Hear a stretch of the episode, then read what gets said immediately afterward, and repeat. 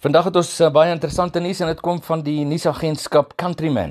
En dit gaan oor meer voedsel vir uh, minder koolstof. Nou koolstofvrystellings deur vee kan wêreldwyd met 30% verminder word indien die veeteeltpraktyke wat in Australië toegepas word, ook in die res van die wêreld nagevolg word. Volgens die Oxford Analytica studie kan uh, veeprodusente hulle produksie verhoog om teen die jaar 2050 aan die behoeftes van 'n bykomende 1,6 miljard mense te voorsien, terwyl koolstofvrystellings teen die huidige vlakke ook gehou word.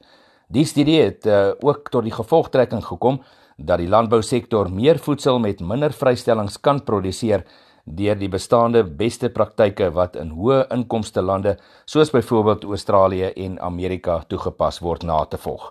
Soos gesê al hierdie interessante nuus van Countryman.